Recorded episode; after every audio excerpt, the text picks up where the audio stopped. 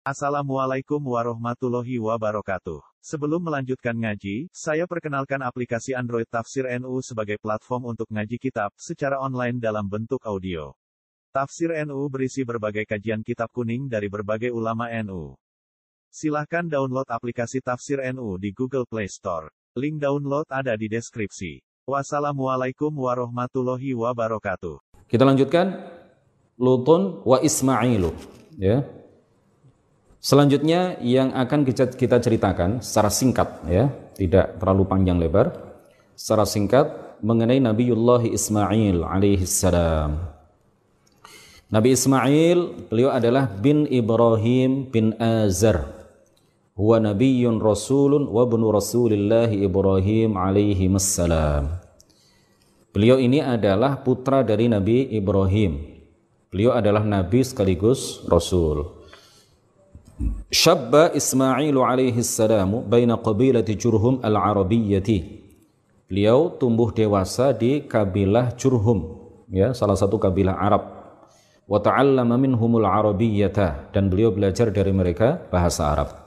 Wa tara'ra'a bainahum dan beliau tumbuh dewasa di kalangan mereka. Walamma a'jabahum siratuhu wa khuluquhu zawwajuhu imra'atan minhum. Ketika kaumnya melihat betapa Nabi Ismail ini adalah orang yang berperilaku baik, ya, akhlaknya baik. Maka kemudian mereka menikahkan Nabi Ismail dengan salah seorang perempuan di kalangan mereka, di kalangan kabilah Jurhum.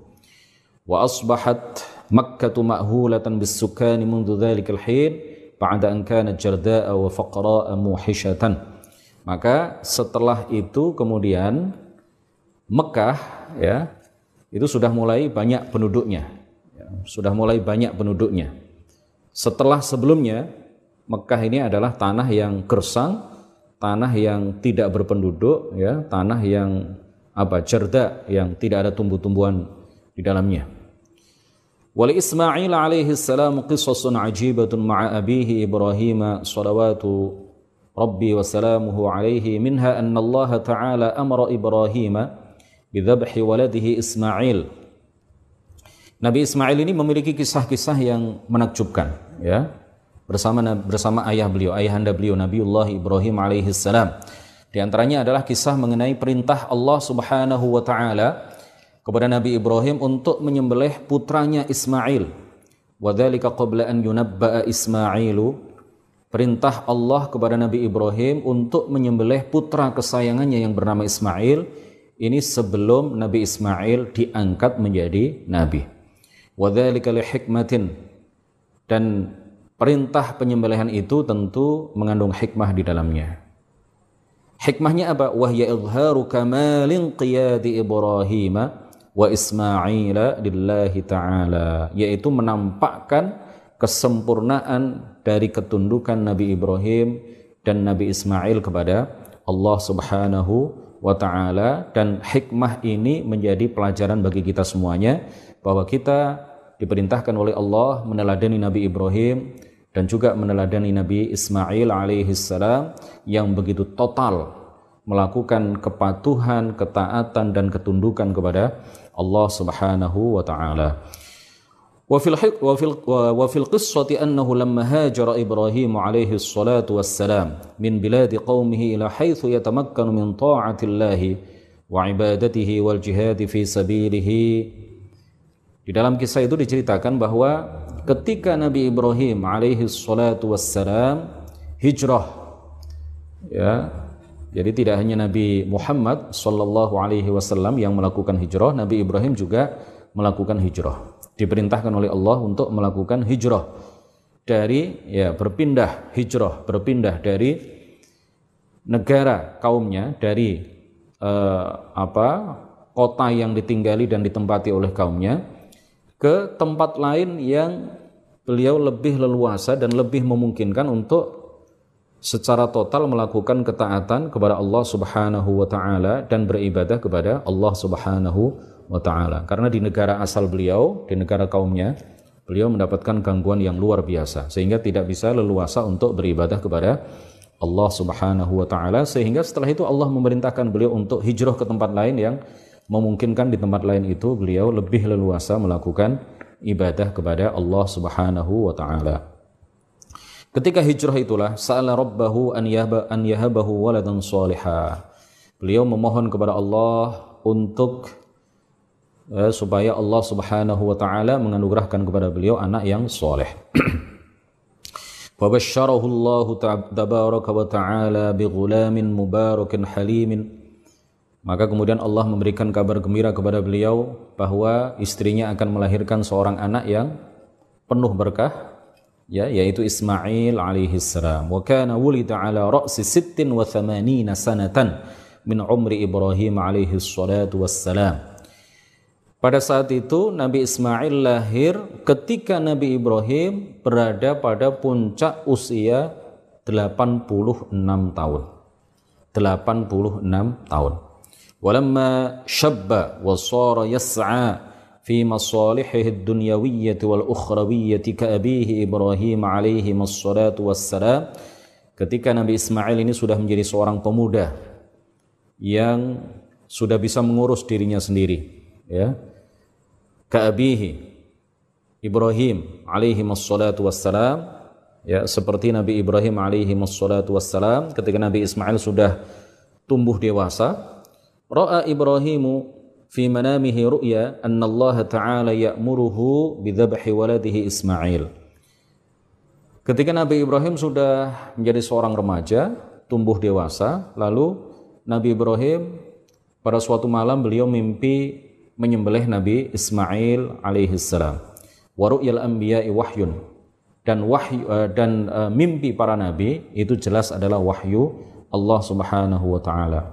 وما كان من نبي الله إبراهيم عليه, عليه الصلاة والسلام بعد أن استيقظ من النوم إلا أن سارع لتنفيذ أمر الله تبارك وتعالى دون تردد setelah beliau bangun dari tidur beliau bergegas langsung akan menjalankan perintah Allah Subhanahu wa taala yang diwahyukan kepada beliau dalam dalam mimpi. Tanpa bila taroddudin tanpa keraguan sedikit pun. Karena kepasrahan beliau kepada Allah itu total.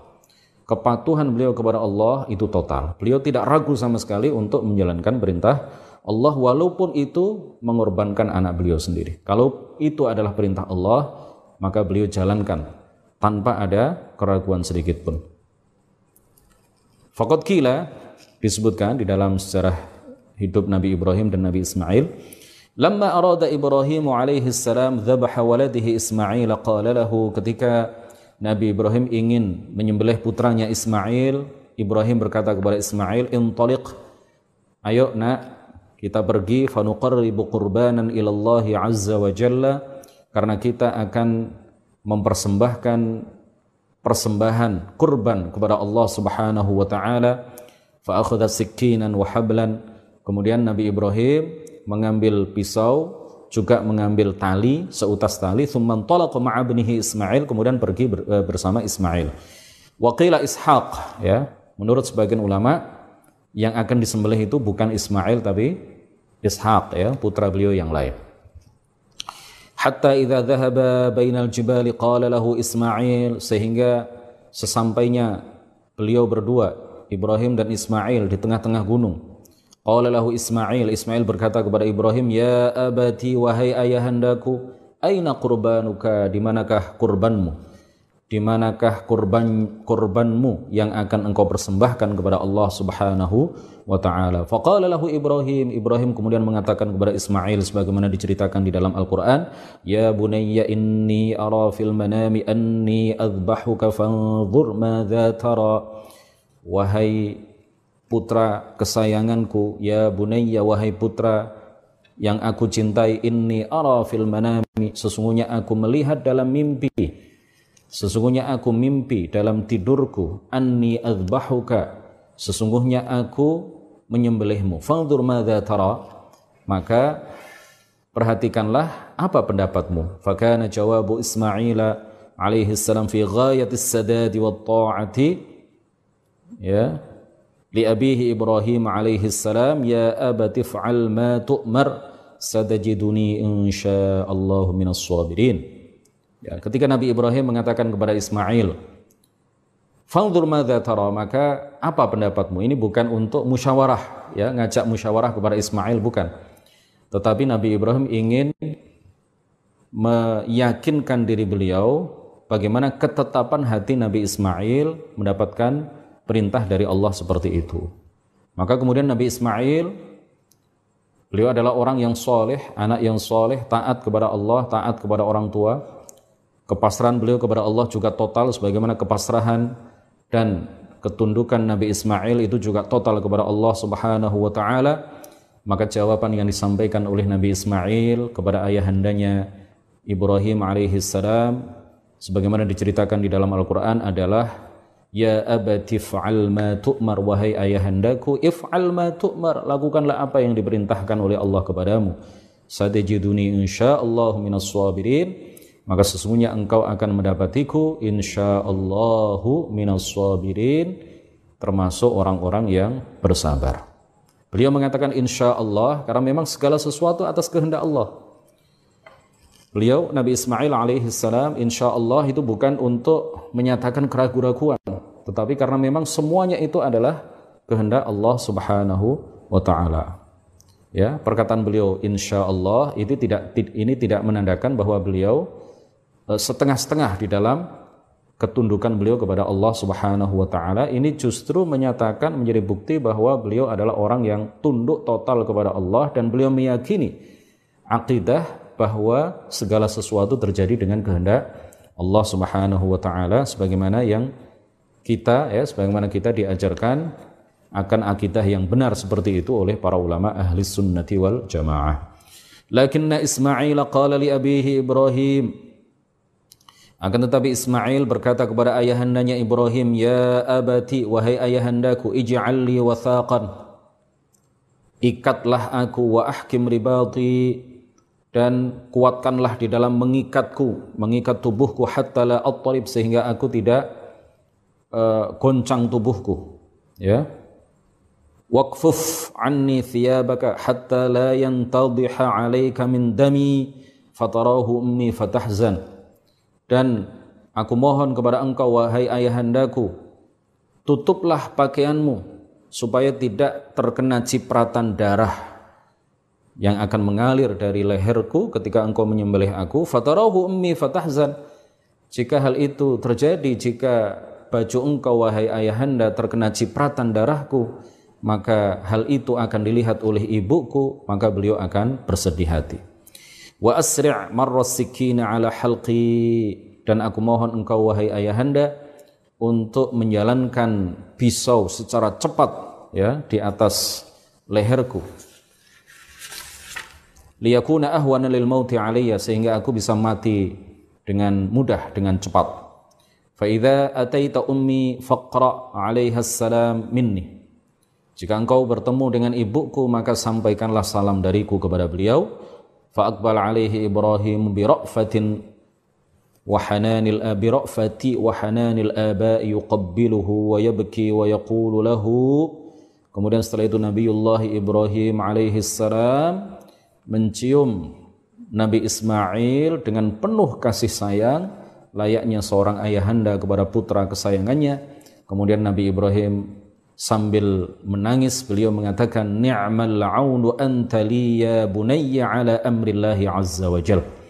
Beliau menangis bukan karena sedih akan menyembelih Ismail, justru beliau menangis karena terharu betapa totalnya ketundukan Nabi Ismail kepada perintah Allah Subhanahu wa taala. Sehingga sambil menangis Nabi Ibrahim mengatakan ni'mal aunu anta li ya bunayya ala amrillahi azza wa jal. Sebaik-baik penolong adalah engkau wahai putraku.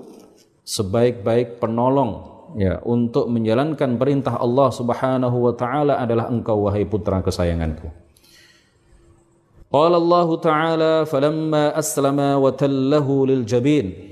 Di dalam Al-Qur'an disebutkan aslama ay falamma istaslama li amrillahi wa alqahu ala wajhihi ketika keduanya sudah pasrah tunduk dan taat memenuhi perintah Allah Subhanahu wa taala wa tallahu lil jabin dan Nabi Ibrahim sudah membaringkan Nabi Ismail di atas pelipisnya Waqila dan dalam satu pendapat arada Ibrahim an yadhbahahu min qafah.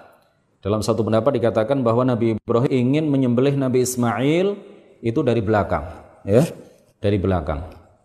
Kenapa? Li'alla yushahidahu fi halid dzabhi supaya beliau tidak melihat wajah Nabi Ismail ketika beliau uh, menyembelih putra kesayangannya itu. Ini ini dalam satu pendapat ya. Wa amarra Ibrahim sikina ala raqabati waladihi Ismail. Kemudian setelah itu Nabi Ibrahim ya menjalankan pisau di atas leher Nabi Ismail. Lakinnaha la taqta'u syai'an. Lakinnaha lam taqta' syai'an. Tetapi pisau itu tidak bisa memenggal ya atau memutus sedikit pun dari leher Nabi Ismail Kenapa? Lianna Allah tabaraka wa ta'ala lam yasha' laha an taqta' Karena Allah Subhanahu wa taala tidak menghendaki pisau itu bisa memutus dan memenggal leher Nabi Ibrahim. Lianna sikina la yaqta'u bi tabi'ihi wa bi Karena pisau itu tidak bisa memotong dan tidak bisa memenggal dengan sendirinya. Wa innama khaliqul qat'i huwallahu ta'ala wahdah karena pencipta segala sesuatu termasuk pencipta ya kemampuan pisau itu untuk menyembelih Nabi Ismail itu adalah Allah Subhanahu wa taala. Hanya Allah yang menciptakan segala sesuatu. Allah lah yang menghendaki terjadinya segala sesuatu. Allah tidak menghendaki pisau itu menyembelih Nabi Ismail. Dan Allah tidak menciptakan pisau itu mampu untuk memenggal dan memutus leher Nabi Ismail alaihi salam. Fasikinu sababun lil qad'i. Pisau itu hanya ada hanyalah sebab sesuatu menjadi terputus. Fala taqta'u illa bimasyiatillahi. Maka pisau itu tidak bisa memotong, tidak bisa memenggal, tidak bisa menyembelih apa pun illa bimasyiatillahi kecuali dengan kehendak Allah Subhanahu wa taala. Fa innal asbab la takhluqu syai'an. Karena sebab itu tidak bisa menciptakan apa pun. Pisau itu hanya sebab sesuatu menjadi terpotong. Tetapi pencipta pencipta sesuatu yang terpotong dengan sebab tersentuh oleh pisau, pencipta terpotongnya sesuatu yang tersentuh oleh pisau itu adalah Allah Subhanahu wa taala bukan pisau itu. Wa innamal khaliqu huwallahu ta'ala wahdah. Ya. Tidak ada pencipta selain Allah. Allah lah satu-satunya pencipta. Hanya Allah lah yang maha pencipta. Fa arsalallahu ta'ala li Ibrahim fida'an li Ismail dhibhan huwa kabshun azim. Allah kemudian mengutus ya, mengirimkan tebusan bagi Ismail berupa kabshun azim, ya domba yang jantan yang luar biasa besar. Ya domba tapi jantan, kabesh. Ya, kabesh itu uh, fahlud ya. Domba yang jantan, domba jantan. Waqila dalam satu pendapat kana qad ra'a fil jannati arba'ina sanatan. Dalam satu pendapat dikatakan bahwa domba jantan ini telah uh, apa menggembala dirinya, dia tergembala atau digembalakan di surga arba'ina sanatan selama 40 tahun lamanya. Jadi domba jantan itu dalam satu pendapat berasal dari surga di mana dia sudah hidup dan makan dari rerumputan surga itu selama 40 40 tahun. Wa kana hadzal kabsyu dan domba jantan itu abyadha berwarna putih aziman besar gemuk besar akrona memiliki tanduk dhabahahu Ibrahim dhabahahu Ibrahimu bimina fida'an libnihi Ismail alaihi salam. Disembelih oleh Nabiullah Ibrahim alaihi salam di Mina sebagai ganti sebagai tebusan untuk anaknya Nabi Ismail alaihi salam. Wa kadzalika Ishaqu. Ya. Nuhun Hud Ma' Salih wa Ibrahim kullun muttaba' Lutun wa Ismailu Ishaqu kada Ishaqu kada Ishaq ini adalah ibnu Ibrahim alaihi mas alaihi wassalatu wassalam. Ishaq ini juga adalah putra dari Nabi Ibrahim alaihi salam. Wa huwa nabiyyun min anbiya'illahil kiram. Beliau adalah seorang nabi di antara nabi-nabi Allah yang mulia wa qad Allah taala an nubuwwati Ishaq fi mawadhi'a adidatin minal Qur'ani kaqaulihi azza wa jalla Allah Subhanahu wa taala telah mengabarkan kepada kita akan kenabian Ishaq di beberapa tempat di beberapa ayat Al-Qur'an di antaranya adalah firman Allah wahabna lahu Ishaq wa Yaqub wa kullan ja'alna nabiyya dan kami telah memberikan kepadanya menganugerahkan kepadanya Ishak dan Yakub wa kullan ja'alna nabiyya dan masing-masing dari Ishak dan Yakub itu kami jadikan sebagai nabi. Wa qad kanatil bisharatu bi wiladati Ishaq alaihi salam minal malaikati li Ibrahim wa Sarah bihim mujtazina dhahibina ila madaini qaumi Lut liyudammiru alaihim li kufri qaumi Lut wa fujurihim dan kabar gembira akan kelahiran Ishak ini dibawa oleh malaikat ya kepada Nabi Ibrahim dan Sarah ketika para malaikat itu diutus oleh Allah Subhanahu wa taala untuk mendatangi lima desa ya kaum Nabi Lut mereka diperintahkan oleh Allah untuk menghancurkan mereka karena kekufuran kaum Nabi Lut dan e, perbuatan-perbuatan keji, perbuatan-perbuatan hina yang mereka lakukan. Qala Allah Ta'ala wa laqad jaa wa laqad jaa'at rusuluna Ibrahim bil bushra al ayah. Wa laqad jaa'at rusuluna Ibrahim bil bushra di dalam Al-Qur'an disebutkan wa laqad jaa'at rusuluna dan telah betul-betul datang malaikat-malaikat utusan kami kata Allah Subhanahu wa taala kepada Ibrahim bil busyra dengan kabar gembira. Ini ditafsirkan oleh para ulama yang dimaksud kabar gembira di sini adalah kabar gembira akan kelahiran uh, Nabi Ishaq alaihi salam. Walamma alimat saratu anna alladhina zarahum kanu minal malaikati wa annahum marru bihim wa hum dhahibuna litadmiril kafirin istabsharat 'inda dhalika. Ya, Sarah ibunda Ishaq ya ketika mendapatkan kabar gembira itu dari para malaikat yang mengabarkan kepada beliau dan juga mengabarkan kepada Ibrahim bahwa akan terlahir Ishaq dari rahim istri Nabiullah Ibrahim alaihissalam yang bernama Sarah. Maka kemudian Sayyidah Sarah ya bergembira mendengar kabar itu wa kanat qa'imatan ala ru'usil adyaf kama jarat bihi 'adatun nasil kiram ya wa qad qala ta'ala ikhbarun amma jara Allah Subhanahu wa taala mengabarkan di dalam Al-Qur'an mengenai apa yang terjadi fabash فبشرناها بإسحاق ومن وراء إسحاق يعقوب maka kemudian kami beri kabar gembira kepada Sarah ya akan kelahiran Nabi Ishak akan kelahiran Ishak wa min warai Ishaq Yaqub. Dan setelah Ishak nanti akan lahir Yaqub ya yang merupakan anak keturunannya. Qalat ya wailata aalid wa ana ajuzu wa hadha ba'li syaikha in hadha la syai'un ajib. Ya artinya apa? Fabasyarat hal malaikatu bidzalika wa kana ibrahim wa isma'il hina idzin hadirain ma'aha.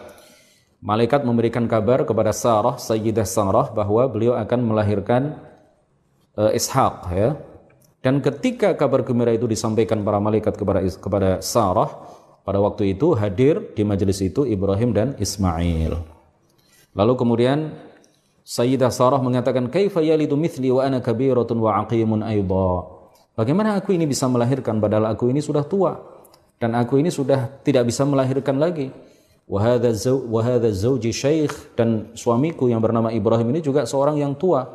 Faqalat lahal malaikatu kemudian malaikat mengatakan kepadanya diceritakan di dalam Al-Qur'an ata'jabina min amrillah apakah engkau heran ya mengenai apa yang uh, apa dikehendaki dan diperintahkan oleh Allah Subhanahu wa taala. Jadi kalau Allah menghendaki sesuatu walaupun itu sepertinya tidak mungkin terjadi dalam pandangan manusia, kalau Allah menghendaki pasti akan terjadi. Kemudian kada begitu juga Yakub ya. Yakub. Yakub ini nama lain beliau adalah Israel. Israel. Jadi Bani Israel itu adalah anak keturunan Yakub. Anak keturunan Nabi Yakub, Bani Israel. Sedangkan Israel sendiri itu adalah nama lain dari Nabi Yakub alaihi salam. Yakub bin Ishaq bin Ibrahim. Ya. Uh, wa kadza Yusufu waladuhu huwa minal anbiya. Ya. Lutun wa Ismailu Ishaqu kadza Yaqubu Yusufu. Ya sedikit lagi kita selesaikan. Kemudian setelah itu Yusuf jadi Yakub itu adalah Israel makanya eh, saya di mana-mana menyampaikan bahwa janganlah kita mengatakan laknatullahi ala Israel semoga laknat Allah ditimpakan oleh Allah kepada Israel. Yang kita maksud adalah orang-orang Yahudi yang sekarang menjajah Palestina. Karena apa? Karena Israel itu adalah nama lain dari Nabi Nabi Yakub alaihi salam. Jadi kita kita kita kalau mau berdoa ya semoga laknat Allah ditimpakan kepada orang-orang Yahudi yang sekarang menjajah bumi bumi Palestina. Nah, mereka mengklaim diri mereka sebagai anak keturunan Israel, anak keturunan Yakub. Yusuf waladuhu huwa minal anbiya alladhina athna Allah alaihim bil iffati wan nazahdi was sabri wal istiqamati. Allah Subhanahu wa taala berfirman, ya Nabi Yusuf ini adalah salah satu dari nabi-nabi Allah yang Allah memujinya dengan iffah wan nazaha was sabr wal istiqamah. Allah memujinya dengan sifat uh, suci dari dosa, ya. Uh, sabar, istiqamah. Allah Subhanahu wa taala menceritakan hal itu di dalam Al-Qur'an kadzalika linasrifa anhu su'al wal fahsya. Begitulah kami memalingkan dari Nabi Yusuf as-su keburukan wal fahsya dan uh, uh, kekejian. Innahu min ibadinal mukhlasin. Sesungguhnya dia adalah termasuk hamba-hambaku yang terpilih. Kama athna alaihi aidan Sayyiduna Muhammadun sallallahu alaihi wasallam biqaulihi sebagaimana Nabi Muhammad juga memujinya ya di dalam sabda beliau innal karim. Di dalam sebuah hadis Rasulullah dawuh innal karim ibnal karim ibnil karim ibnil karim. Yusuf bin Yaqub ibni Ishaq ibni Ibrahim diriwayatkan oleh Al Bukhari sesungguhnya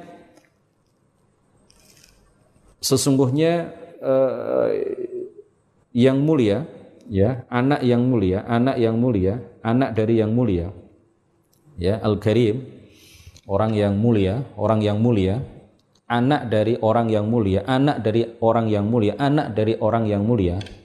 Beliau menyebutkan berapa? Satu, dua, tiga, empat. Ya. Di dalam hadis dikatakan seperti ini, Innal karima binal karimi binil karimi binil karim. Itu yang dimaksud adalah Yusuf bin Yakub bin Ishak bin Ibrahim. Semuanya adalah Nabi. Yusuf Nabi, ayahnya bernama Yakub adalah Nabi, ayahnya Yakub bernama Ishak adalah Nabi, ayah Ishak bernama Ibrahim adalah juga juga nabi. Ini sampai empat keturunan semuanya nabi. Wa Yusuf alaihi salam min asyari anbiya ibni Israel. Yusuf ini termasuk salah satu nabi di kalangan Bani Israel yang termasyhur ya, yang terpopuler. Wa dzukirat qissatuhu fi surati Yusuf mufassalatan. Diceritakan kisah Nabi Yusuf ini di dalam surat Yusuf secara terperinci. Dan kami juga di dalam pembahasan eh, kitab Aqidatul Awam ini telah menceritakan beberapa hal penting terkait dengan Nabi Yusuf pada saat kita membahas tentang sifat-sifat wajib bagi para nabi dan sifat-sifat mustahil bagi para nabi dalam beberapa pertemuan yang lalu. Limarahila min hayatihi wa mihnatihi ma'a ikhwatihi wa mihnatihi ma'a imra'atil aziz. Di, di situ diceritakan mengenai beberapa fase yang beliau lalui dalam kehidupan beliau. Bagaimana beliau mendapatkan ujian diperlakukan buruk oleh saudara-saudara beliau Nabi Yusuf ini. Dan kemudian eh, diajak berzina oleh penguasa oleh istri dari penguasa Mesir Ya, kemudian beliau diceritakan di situ mengenai masuknya beliau ke dalam penjara. Kemudian berdoanya beliau di dalam penjara itu, kemudian keluarnya beliau dari penjara wa fiha tafsiruhu ru'ya lil malik. Kemudian diceritakan juga di dalam di dalam surat Yusuf itu eh, tafsir mimpi yang dilihat oleh raja ketika itu ya kemudian juga juga diceritakan mengenai wastilamuhu li khazaini ardi Misra. Kemudian beliau menjadi penguasa di Mesir. Thumma maji'u ikhwatihi ila Misra bisababil qahti. Kemudian diceritakan juga di dalam surat Yusuf itu kedatangan saudara-saudara Nabi Yusuf yang uh, sebelumnya memperlakukan Yusuf dengan buruk. Ya kedatangan mereka ke Mesir bisa babil qahti. Karena karena sebab paceklik yang luar biasa ketika itu wa ibqa'uhu li akhi bin Yamin indahu dan juga diceritakan mengenai permintaan Yusuf agar saudaranya yang bernama bin Yamin itu tidak meninggalkan Mesir ثم اجتماعه بأبيه وإخوته ودخولهم عليه وسجودهم له على وجه التحية والتعظيم Kemudian juga diceritakan di dalam surat Yusuf, pertemuan antara Yusuf dengan ayahnya. Ya, ayahnya yang bernama Yakub alaihi salam dan juga pertemuan beliau, pertemuan Yusuf dengan saudara-saudaranya setelah lama berpisah. Kemudian di situ juga diceritakan mengenai sujudnya saudara-saudara Nabi Yusuf kepada Nabi Yusuf ala wajahit tahiyyati wa ta'zim dengan niat penghormatan dan pengagungan bukan dengan niat beribadah. Pada saat itu dibenarkan ya.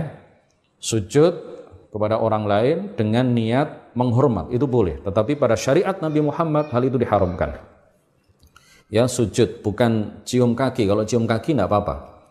Tapi kalau sujud tidak boleh, ya. Kalau sujud seseorang sujud kepada orang lain artinya meletakkan dahi di atas tanah di hadapan orang lain, maka kalau dengan niat mengagungkan dan menghormati orang yang disujudi, maka dia telah melakukan satu dosa besar, haram. Tetapi kalau dengan niat beribadah menyembah kepada orang yang ia sujud di hadapannya, maka ini adalah kufur yang mengeluarkan dia dari agama Islam. Wa kana dhalika jaizan fi syari'atihim ila ghairi dhalika min isyaratin daqiqatin wa 'idhatin balighatin istafadu biha min hayati hadzal nabiyil karim sallallahu alaihi wasallam dan masih banyak lagi kisah-kisah yang diceritakan di dalam surat Yusuf mengenai Nabiullah Yusuf alaihi salam. Terakhir yang kita sampaikan pada malam hari ini wa ayyub kemudian Nabi Ayyub. Nah, Nabi Ayyub ini sudah kita ceritakan juga beberapa sisi kehidupan beliau ketika kita membahas tentang sifat wajib para nabi dan sifat mustahil para para nabi. Wa ayyubu ihtada, ihtada artinya iqtada. Wa ayyubu dan ayyub ihtada mengikuti ya jalan petunjuk yang telah e, dilakukan oleh para nabi sebelumnya. Ihtada. Ayyub ini adalah bin Mus ya, bin Razih bin Al-Ais bin Ishaq bin Ibrahim Al-Khalid. Jadi Ayub ini adalah masih anak keturunan Nabi Ibrahim alaihi salam. Demikian kajian kita pada malam hari ini mudah-mudahan menjadi ilmu yang bermanfaat. Subhanakallahumma wa bihamdik أشهد أن لا إله إلا أنت أستغفرك وأتوب إليك. لا إله إلا الله. اللهم صل على سيدنا محمد وعلى آله وصحبه وسلم. ربي اغفر لي ولوالدي وللمؤمنين والمؤمنات. والله الموفق إلى أقوم الطريق.